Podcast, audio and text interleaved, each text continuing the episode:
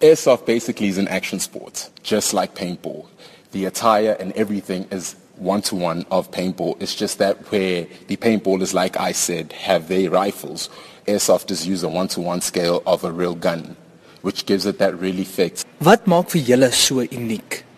The youth nowadays is into these modern warfare games. So what we try and reenact in our field is Tom Clancy's Rainbow Six, which is based in a casino. It's a video game based in a casino. So when they come in here, they just go crazy for the mere fact that we're actually playing inside an active casino. Actually, also another thing is that this is the only indoor field that actually operates in an active casino. So while everyone is shooting each other over here, everyone is enjoying a good time gambling on that side. So it's a very, very, very unique element that we have. Hoe is julle wapens anders? Verduidelik dit bietjie. Where the paintballers use their paintball ammunition, which is these round big balls that splatter paint, which cause a lot of mess. We use uh, actual high quality BBs.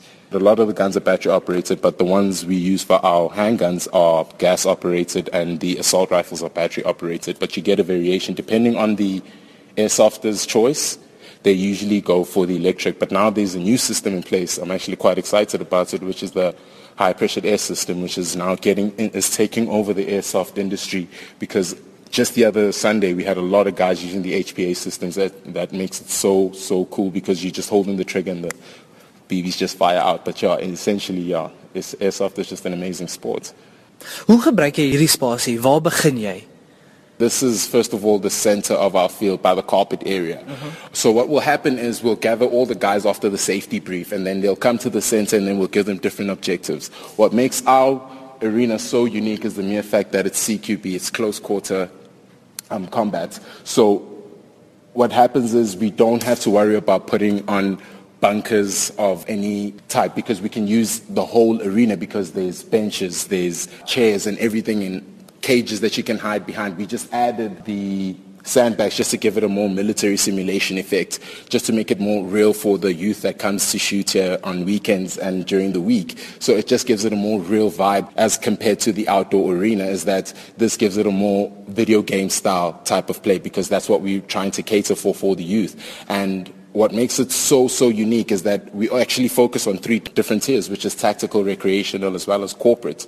Yeah. On the recreational side of things is where we get like the youth or anyone who just wants to come in for the weekend and have a joy of just shooting each other around or whatever the case may be. Wat het hierdie soort aktiwiteit met spanbou te doen? Well, that's very very simple. When we have our team building events, it's not just any regular team building. What it is essentially what we implement is the whole military style simulation. Okay. So what would happen is we'd get these teams and then we'd, we'd split them into two teams appointing team leaders in each team.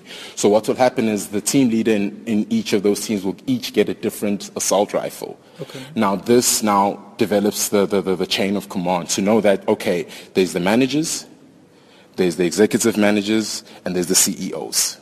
You come here and we actually develop communication skills in your team. We develop cohesion in your team. You, you get a better understanding of your team, the team's strengths, the team's weaknesses, and everyone gets a better chance of understanding each individual amongst themselves because then there's a chain of command that needs to follow. In the army, you can't just talk to the general without having to talk to the colonel. You can't talk to the colonel without having to talk to the sergeant and so forth and so forth. So we try and develop that sense of communication and the understanding that there is a chains of command command that you need to follow, not only in team building, but in the office space.